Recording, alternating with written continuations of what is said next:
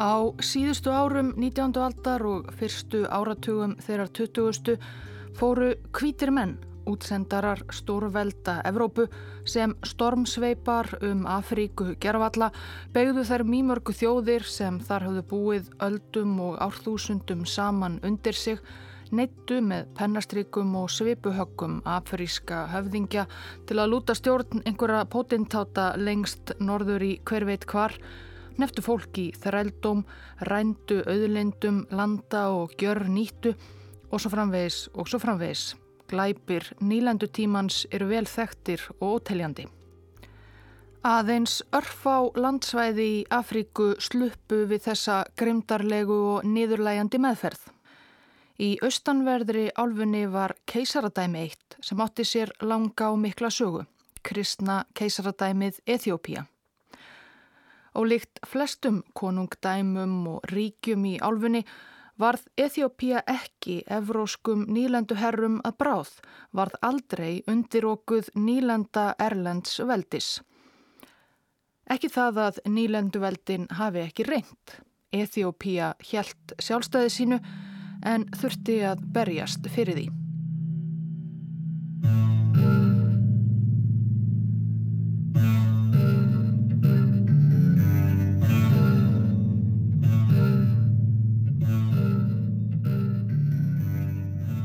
Ágæti hlustandi þetta er fjörði þáttur í seríum langa sögu Eþjópíu.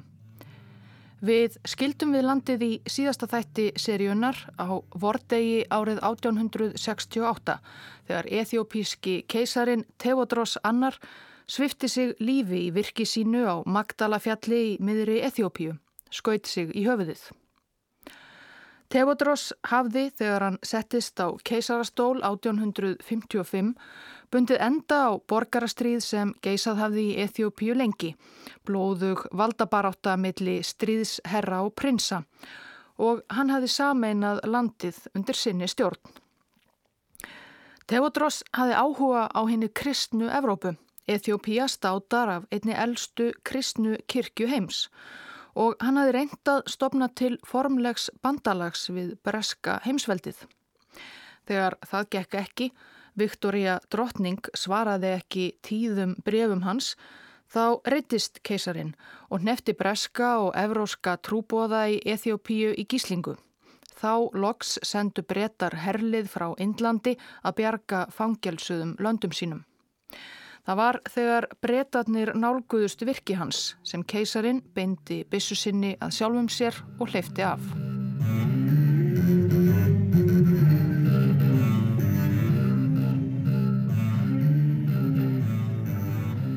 Þegar keisarin lág í valnum og gíslatnir voru frelsaðir, heldu breytar heimáleið og þar með var afskiptum þeirra af Eþjópíu lokið í bylli. Þegar hort er tilbaka er það á vissan háttu nokkuð íll skiljanlegt að brettar hafi ekki tekið fagnandi tækifærinu sem Teodros annar keisari rétti þeim á silfurfati að komast til áhrifa í austanverðri Afríku.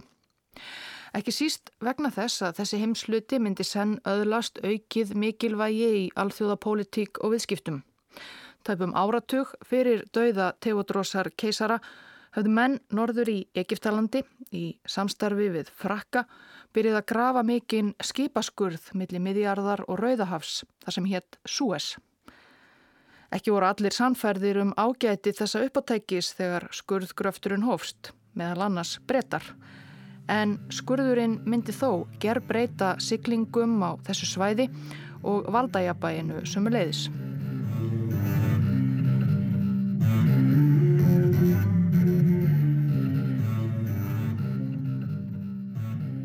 Þegar brettar yfirgáfu Eþjópíu eftir dauða Tevodrósar tóku þeir með sér ímiskonar stríðsfang, gripi sem enn í dag má sjá á söpnum Lundunaborgar og einnig sjú ára gamlan pilt, Alema Jehu prins, són keisarans fallna.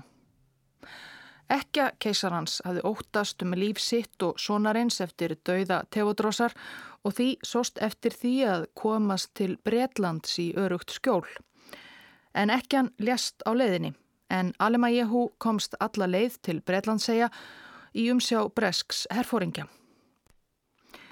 Litli prinsinn hlaut brest yfirstjættar uppeldi og var sendur í fína drengjaskóla.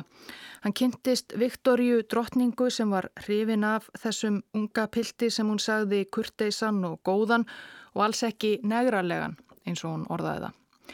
En tilvera ethiopíska prinsins í Breitlandi var það ekki laung. Hann lést úr brjóstimnubolgu 1879 aðeins 18 ára aðaldri og Viktoria drottning syrði hann í dagbóksinni.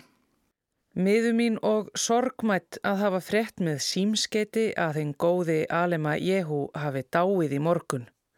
Það er voðalega sorglegt. Aleinn í framandi landi, án nokkurs ættingja eða ástvina, svo ungur og svo góður. Lífans var alls ekki hamingisamt, uppfullt af hverskins erfileikum og hann var svo viðkvæmur, vissum að fólk starði á hann vegna húðlitar hans, svo ég óttast að hann hefði aldrei orðið hamingisamur. Alema Jehu, Eþjópíu prins, var borin til gravar í Vindsorkastala innan um breska konunga, drottninga, prinsa og prinsessur.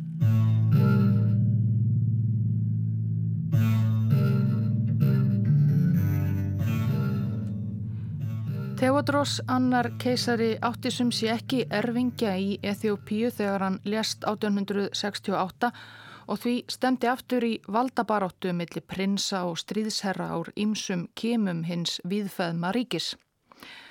Þeirra upplugastur var Kassa Mertja sem stjórnaði tígra í hér aði nýrst í Eþjópíu. Hann hafði lengi eldað grátt silfur við keisaran og hafði leift breska herliðinu að fara um yfiráðasvæði sitt óáreitt og fengiða launum umtalsvert af skotvopnum. Skotvopnu voru af skornum skemmti í Eþjópíu á þessum tíma og skiptu sköpum. Í ársbyrjun 1872 hafði kassa þessum tekist að kveða niður alla anstæðinga sína og let krína sig konung, konungana eins og ráðamenn Eþjópíu kalluði sig Jóhannes fjórða keisara.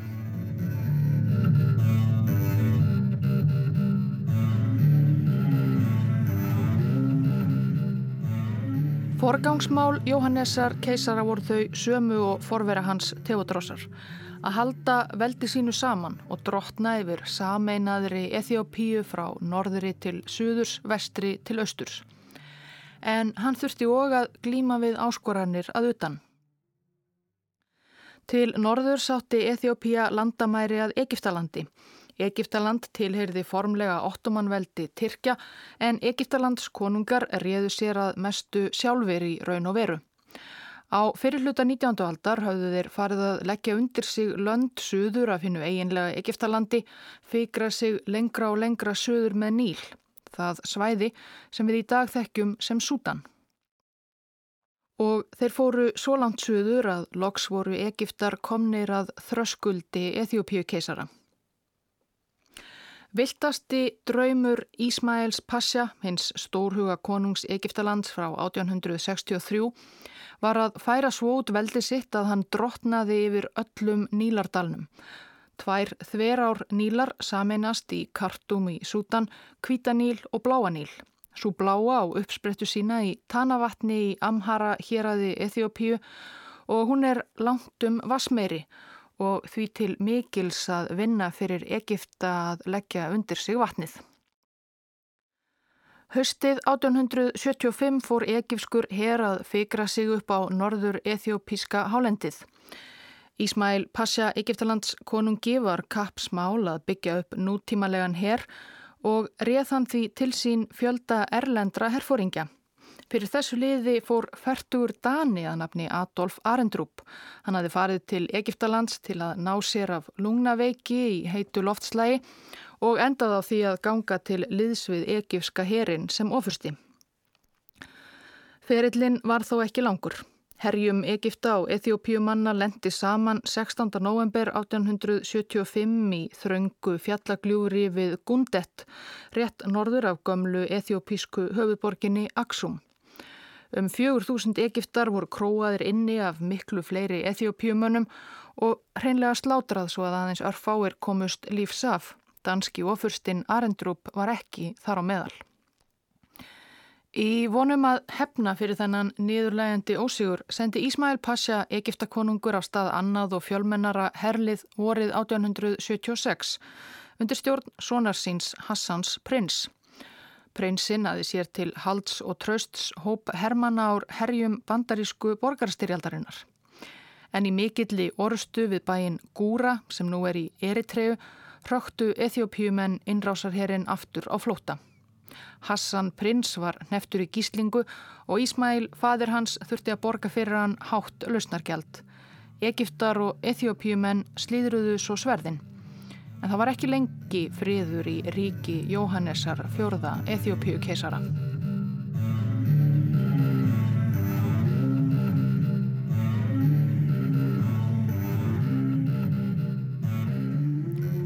Í ágúst 1881 höfðu íbúar í grannríki Eþjópíu Sútan resið upp gegn yfirbóðurum sínum Egiptum. Uppreysnar mennirnir lutu stjórn Muhammads nokkurs Ahmad sem listi því yfir að hann væri svo kallaður Mattíi. Það er eins konar guðlegur bjargvættur Íslams trúar næsti bær við sjálfan spámaninn. Fylgismenn Mattíans brunnu af samfæringu og ónægju í garð egifskrar nýlendustjórnar og þeir reyndust Egiptum erfiðir viðregnar. Þeir lögðu undir sig hvern súdanskan bæin á fætur öðrum og stráfældu um leið egifska hermenn. Þessari sögu er annars gerð frekari skil í fyrsta þætti í ljósi sögunar um sögu Súdans. En Egiptar neittust loks til að leita á náður bretta sem hafðu þó verið að seilast til áhrifa í Egiptalandi undanfarin ár. Brettar blönduðu sér fúslega í stríðið við mattíistana en jafnvel með öllum mætti breska heimsveldisins tók tíman sinn að ráða niðurlögum þeirra. Í stuttumáli hleyfti langvinnur stríðsregsturinn öllum þessum heimsluta í uppnám og Eþjópía dróst niður í fenið. Sumarið 1884 gerðu Egiptar, Brettar og Eþjópíumenn samning kentan við breska aðmírálinn Hjúett sem binda átti enda á þá tortrygni milli Egipta og Eþjópjumanna sem ríkt hafði frá tilraunum Ísmails Egiptalands konungs til að ráðast inn í Eþjópju en aðalega gera egipskum hermunum sem sífelt voru á flótta undan sveitum mattíista kleiftað flýja í gegnum Eþjópíst landsvæði. Vonir Jóhannesar fjörða Eþjópíukeisara stóðu á móti til þess að breytar myndu svo styðja hann í að eignast Massafa, mikilvæga hafnarborg við strönd Rauðahafsins sem Egiptar riðu þá yfir. En þetta allt reytti Mattíista til reyði og þeir fóru að líta á Eþjópíumenn sem nýja ofinni sína og gera árásir á Eþjópíst yfiráðasvæði. Eftir skærur í nokkur ár var þólinnmæði Jóhannessar keisara úti og í marsbyrjun 1889 lagði hann af stað með hersinn að bækistöðum Mattíista í Galabat, bæ við Nílarbakka á landamærum Sútans og Eþjópíu. Jóhannes fór sjálfur á vývöldin með korunu sína á höfði og með engan smá herr, eitthvað um 150.000 menn. 9. mars lendi þeim og 80.000 manna liði Mattíista saman. Eþjópíumenn báru af og mannfall Mattíistana var mikill.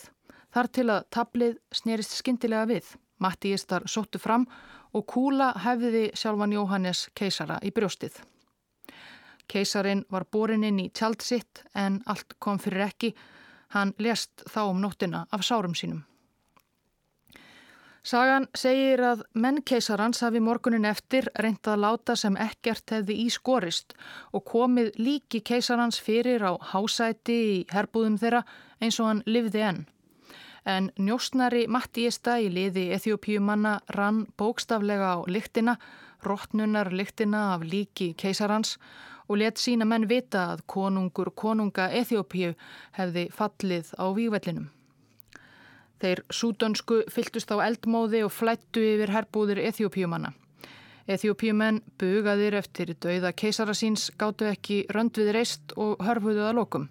Lík keisarans rifu súdanar úr hásæti sínu, gerðu höfðinu stittra og sendu höfuðið til Omdurman, höfuðborgar Mattíans, þar sem flokkur manna sprángaði með það um stræti og tork.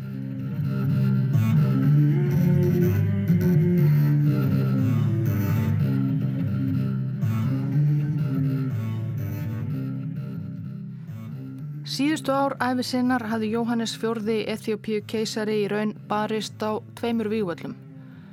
Förum núna nokkur ár aftur í tíman. Súes skurðurinn hafði verið formlega opnaður fyrir umferð skipa allra landa 17. november 1869 og þannig stitt siglingaleiðina frá Allandsafi og austur á bóginum heilan helling og jók mjög skipa um ferðum Rauðahaf milli Afríku og Arabíuskaga. Svo að segja samdægurs hafðu útsendarar ítalska skipafélagsins Rupatino kift lítinn flóa á Rauðahafströnd Afríku, Assab flóa, af höfðingi á sveðinu. Flóin er það sem nú er Eritrea en var þarna á áhrifasvæði Eþjópíukeisara þó svo að héraðs höfðingi teldi sig í aðstöðu til að selja flóan í tölum. Við þennan flóa var ætlun Ítala að koma upp viðkomu höfn fyrir ítölsk kaupskip á leiðum Rauðahafið. Uppbyggingin dróst þó um fleiri ár og 1882 eftirlétt skipafélagið ítölskum stjórnvöldum allt landsvæði sitt við Rauðahafströnd. Kapplaup Evróskra ríkja um landsvæði í Afríku var þarna í starthólunum og Ítalir vildu Olmir vera með. Til þess að reyna svo að auka vexin í austanverðri Afríku reyndu Ítalir að stíga í vangin við einn af ethiopísku smákonungunum sem hafi verið í andstöðu við Jóhannes Fjörða keisara áður en hann settist á valdastól. Sahle Mariam konungi Sjeva í miðri Ethiopíu.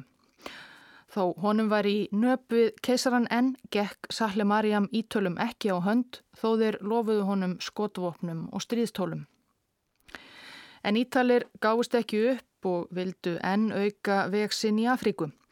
Olga og ringulreið sem skapaðist af völdum mattíista uppreysnarinnar í Sútan var þess valdandi að Egiptar mistu tökin á Massafa, áður nefndri Hafnarborg við Rauðahaf.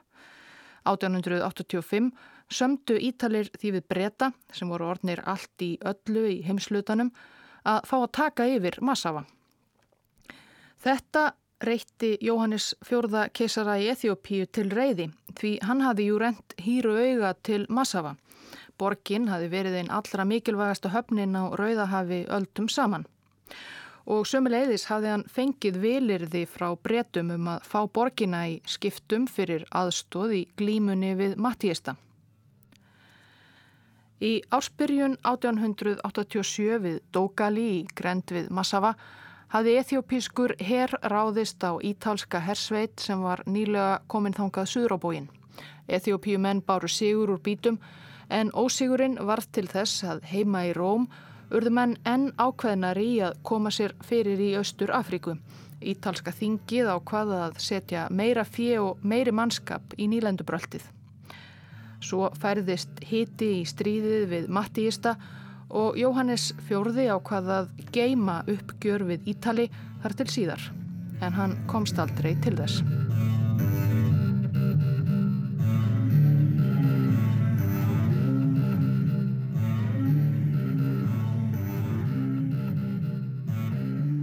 Á dánarbeðinum í herbúðum Eþjópíumanna í landamærabænum Galabat 10. mars 1889 hafði Jóhannes keisari lísti yfir að tvítugur frændi hans, Ras Mengesha, væri í raun launsónur hans, uppskera ástaræfintýris keisarans með eiginkonu bróður síns og Jóhannes útnemdi hann arftakasinn. En valdaskipti Eþjópíu keisara hafa sjálfnast í sögunni gengið svo einfaldlega fyrir sig. Kemur nú aftur til sögunar Sahle Mariam, konungur ethiopíska héraðsins Sjeva í miðjulandinu sem Ítalir höfðu reyndað vinna á sitt band nokkrum árum áður. Sahle Mariam var þarna 1889 og um deilanlega máttugasti undir konungur í Ethiopíu og líkt og margir af áhrifamönnum ethiopískrar sögu vildi hann meina að hann geti rakið ættir sínar aftur til sjálfs Salomons konungs. Um leið og Salli Marjam frétti af dauða Jóhannesar fjórða keisara á vígvellinum ákvað hann að hafa fyrirmæli keisarans degjandi um arftaka sinn launsónin að engu og lýsa sjálfan sig keisara, konung, konungana. Og honum tókst að fá stóran hluta ethiopíska aðalsins á sitt band en það hafði Sahle Mariam, þarna 45 ára og með tveggja áratuga reynslu sem konungur Sjefa, flest til brunns að bera sem príðað þurfti keisara.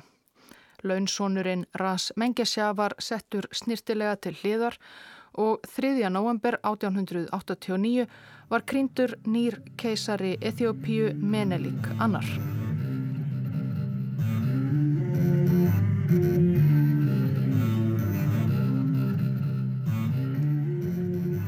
Ítalir sem höfðu kynni af Menelik eða Sahle Mariam áður en hann settist á keisarastól lístu honum sem meðalmanni að hæð, nokkuð holdugum en vöðvasterkum.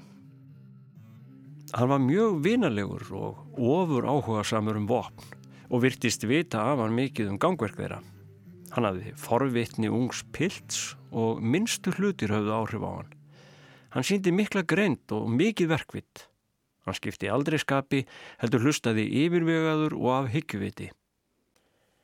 Hann var forlega trúar og góður strísmaður og unni vopnum ofar nokkru öðru.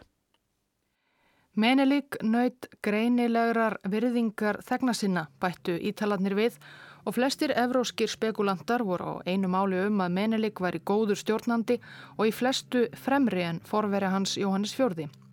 Eða eins og Augustus Wild, bretti sem ferðaðist um Eþjópíu undir lok 19. aldar orðaðiða, í samanburði við Menelik var Jóhannes eins og barn.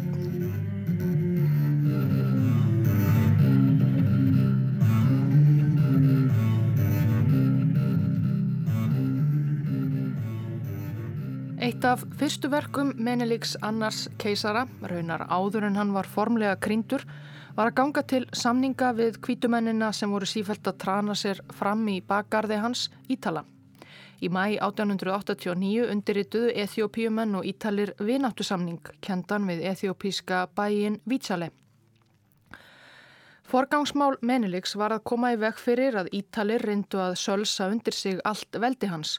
Frekar gæfi hann örlítið eftir. Svo að í samningnum eftirlétt Eþjópia Ítalíu nokkuð landsvæði nýrst í landinu, litla sneið við strönd Rauðahafs sem varð ítalska nýlendan og síðar sjálfstæðaríkið Eritrea. Fyrir fengi Eþjópia 30.000 bissur og 28 fallbissur.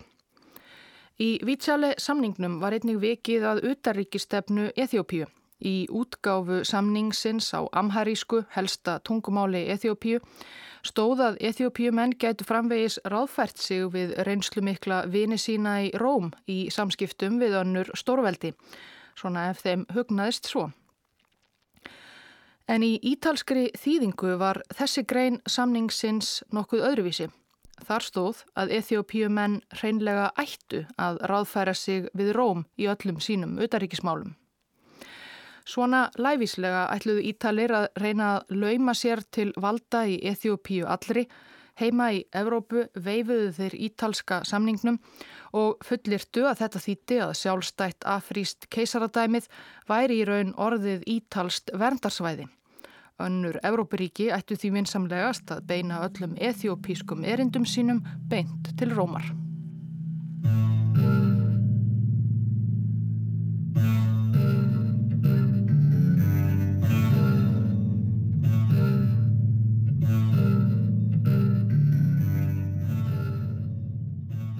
Áratuga langri og sásaukafullri sameiningu ríkjana á Ítalju skaga hafði lokið 1870.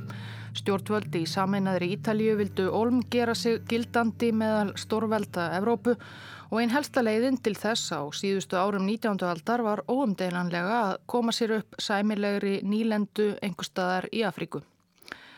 Sameinuð Ítalija ætti að verða jafnóki Rómaveldis að mikilfengleika lísti ítalski fórsættisráþeran og þjóðurnisinin Francesco Crispi yfir. En Ítalir voru seinir til og það voru mörg evrósk veldi um hituna í Afríku. Veturinn 1884 til 85 höfðu fulltrúar vesturveldana komið saman í Berlín til að skera úr um örlög Afríku yfir stóru landakorti og skipt þar á millisín stórum hluta álfunar. Þegar komið var fram til ársins 1889 var lítið eftir af afrísku landi sem ekki var búið að eigna einhverju evrósku ríki. Nema þá helst einmitt Eþjópía, keisaraveldið ævaforna sem hafi haldið sjálfstæði sínu í gegnum þetta allt saman. Og það var þess vegna sem Ítalir gyrndust það svo mjög.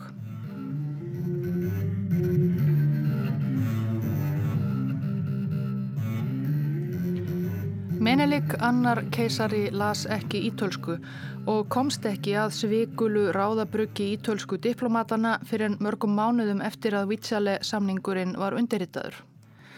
Þegar hann reyndi að skrifa evróskum kollegum sínum eins og Viktoríu Drottningu og Vilhjálmi Þískalands keisara í vonum að gera við þau milliríkja samninga komu þau að fjöllum og töldu sig ekki geta gert neina samninga beint við keisaran Róm færi jú með öll hans mál.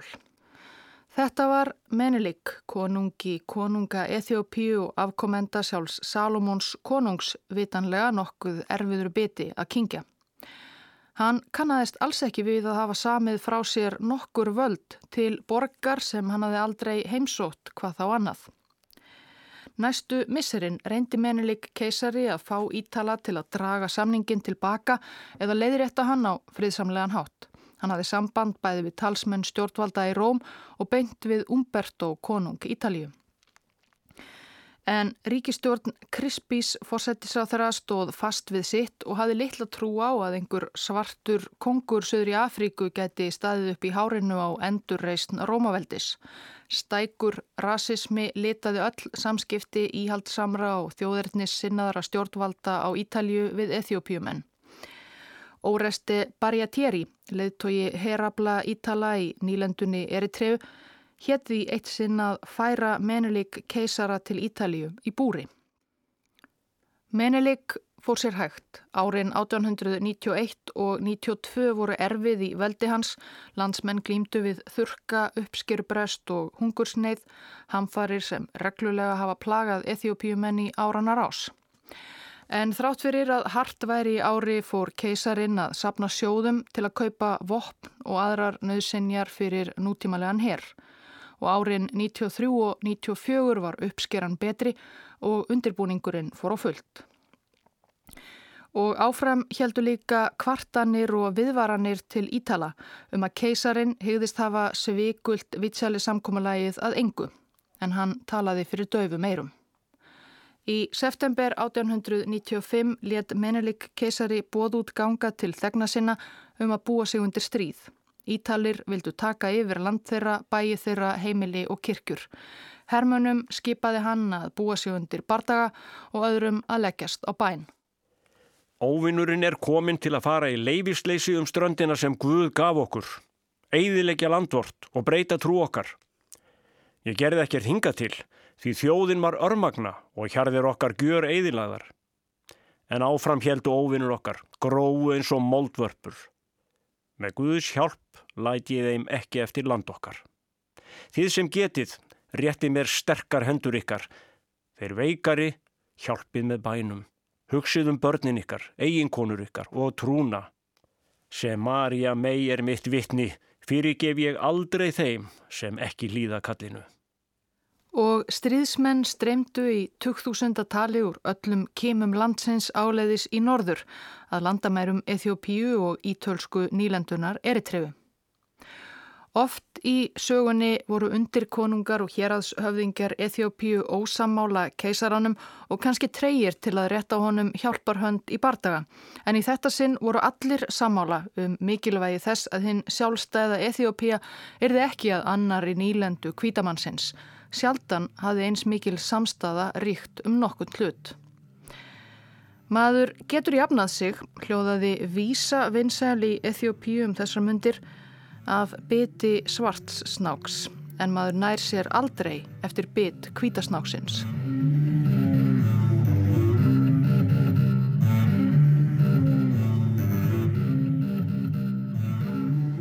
Í Róm höfðu menn engar sérstakar áhyggjur. Varla þyrti fjölmennan hér til að ráða niðurlögum þessara ótíndu svertingja. Ha. Ítalarnir gerðu sér enga grein fyrir því að keisarin hafi nú árum saman verið að sankaða sér nýjustu evrósku stríðstólunum og byggja upp agaðan herr. Gerðu sér enga grein fyrir stöðu keisarans og stjórnarháttum og alls enga grein fyrir langri, magnaðri og blóðugri sögu landsins sem þeir voru að reyna að sölsa undir sig. Töldu að þetta erði einfaldur slagur við frumstæða svertingja. Því auðvitað fór viðs fjari. Veturinn 1895 voru Krispi forsættisráþeira og félagar í Róm í raunfarnir að taka sigur sem sjálfsögum hlut og farnir að skipuleggja framtíðar stjórnskipan í ítölsku Eþjópíu.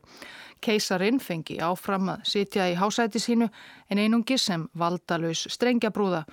Allt raunverulegt valdir því höndum ítalsks landstjóra.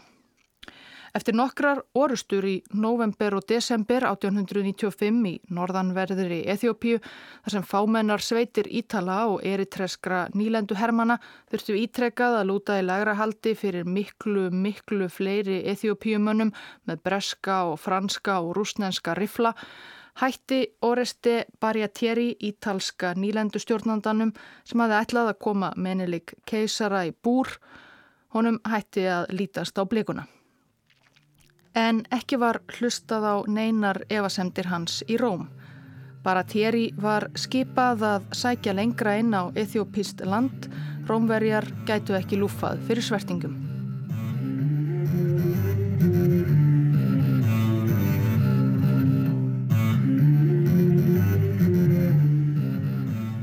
Februarlokk 1896 hjælt ítalsk eritreska herliðið eitthvað um 15 til 20.000 manns til við Adwa, markaðsbæ á flatlendi í Tígra í héræði norður Eþjópíu, rétt við landamærin að ítölsku eritrefu. Allt í kring voru eþjópískir stríðsmenn í þúsundatali. Bara Thierry vildi áfram haldaða sér höndum. Eþjópísku hermennir voru margir komnir langt að og myndu vísast þreytast á að sitja lengi um óvinsinn í Adva. En undirmenn Baratérís, ítalskir herfóringar, töluðu lang flestir máli stjórnvalda í Róm. Nú þegar hefði stríðið dreyist á langin og ósigrar verið ítölum vandraðalegir. Frekar ættu þeir að hætta á mikið mannfall en frekar í álits nekki fyrir Ítalju, sögðu herfóringarnir.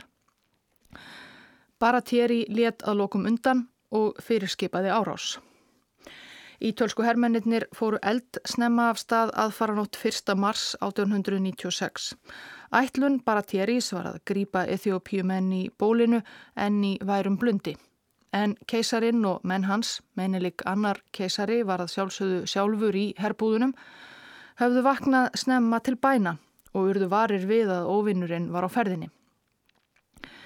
Bardagar brutust út um sexleitið þennan morgurinn. Fljótt var ljóst að Ítalir voru í ansi erfiðri stöðu. Í herliði Ítala voru um 15.000 manns, í saminuðu liði Eþjópíu keisara er áætlað að hafi verið alltaf 120.000. Ekki þarf að hafa mörg orð um gang orðstunnar við Atvan. Eþjópíu menn voru einfallega miklu fleiri, betur vopnum búnir, agaðri og ákafari. Strax um hádegi voru Ítalir farnir að hörfa og bardugum í raun lokið þó Eþjópiumenn hafi notað það sem eftirlifiði dags í að elda uppi stöku Ítala á flóta. Eitthvað um 6.000 menn úr ítalska herliðinu fjallu, 1.500 særðust og 3.000 menn voru teknir til fanga. Tveir af undirmönnum Baratieris, herfóringunum ágengu, fjallu í orustunni og einn til viðbótar var tekinn til fanga.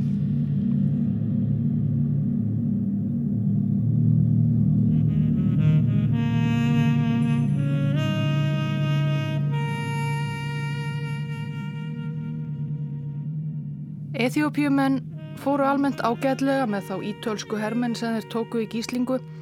Búið var að sárum þeirra og þeir fengu sæmilega meðferð af stríðsföngum að vera. Annað mál var með eritreysku nýlendu hermennina sem höfðu verið stór hluti af liði Ítala. Eritreumenn voru náfrændur Eþjópiumanna en höfðu að þeirra mati svikið á og barist fyrir kvítamannin. Eritreysku stríðsfangarnir, 800 talsins eða svo, voru dæmdir sem þjóðnýðingar og öllum refsað á hróttafengin hátt. Hægri hendur þeirra voru skornar af við úlið og vinstri fótur við ökla. Fangarnir voru aflimaðir hver á eftir öðrum og stupunum svo dýft í sjóðandi ólíu til að stöðva blæðinguna. Aðfarinnar voru sásökafullar og leittu oft til dauða fyrir eða síðar. Breski ferðalangurinn Augustus Wilde fórum Adva eftir orustuna. Ég sá þetta þegar ég heimsótti Adva, rótnandi haug af skelvilegum líkamsleifum. Ég sá mörg hundruð versalingsmenn sem höfðu lifað af þessa meðferð. Nákvæmni Atva var krökt af nýlegum líkum þeirra. Þeir höfðu skriðið af árbakkanum til að svalað brennandi þostanum. Það sem margir þeirra tórðu, ber skjaldaðir og hjálpálöysir. Þar til dauðin batt enda á þjáningar þeirra. Sumstaðar voru líkin þétt saman eins og menn hefðu leitað hugunar hver hjá öðrum.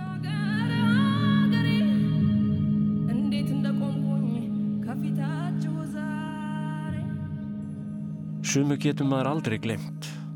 Mér hillir við þegar ég hugsa um þær þúsundir manna, hvítra, svartra og brúna sem likja á víð og dreif um þetta indæla land.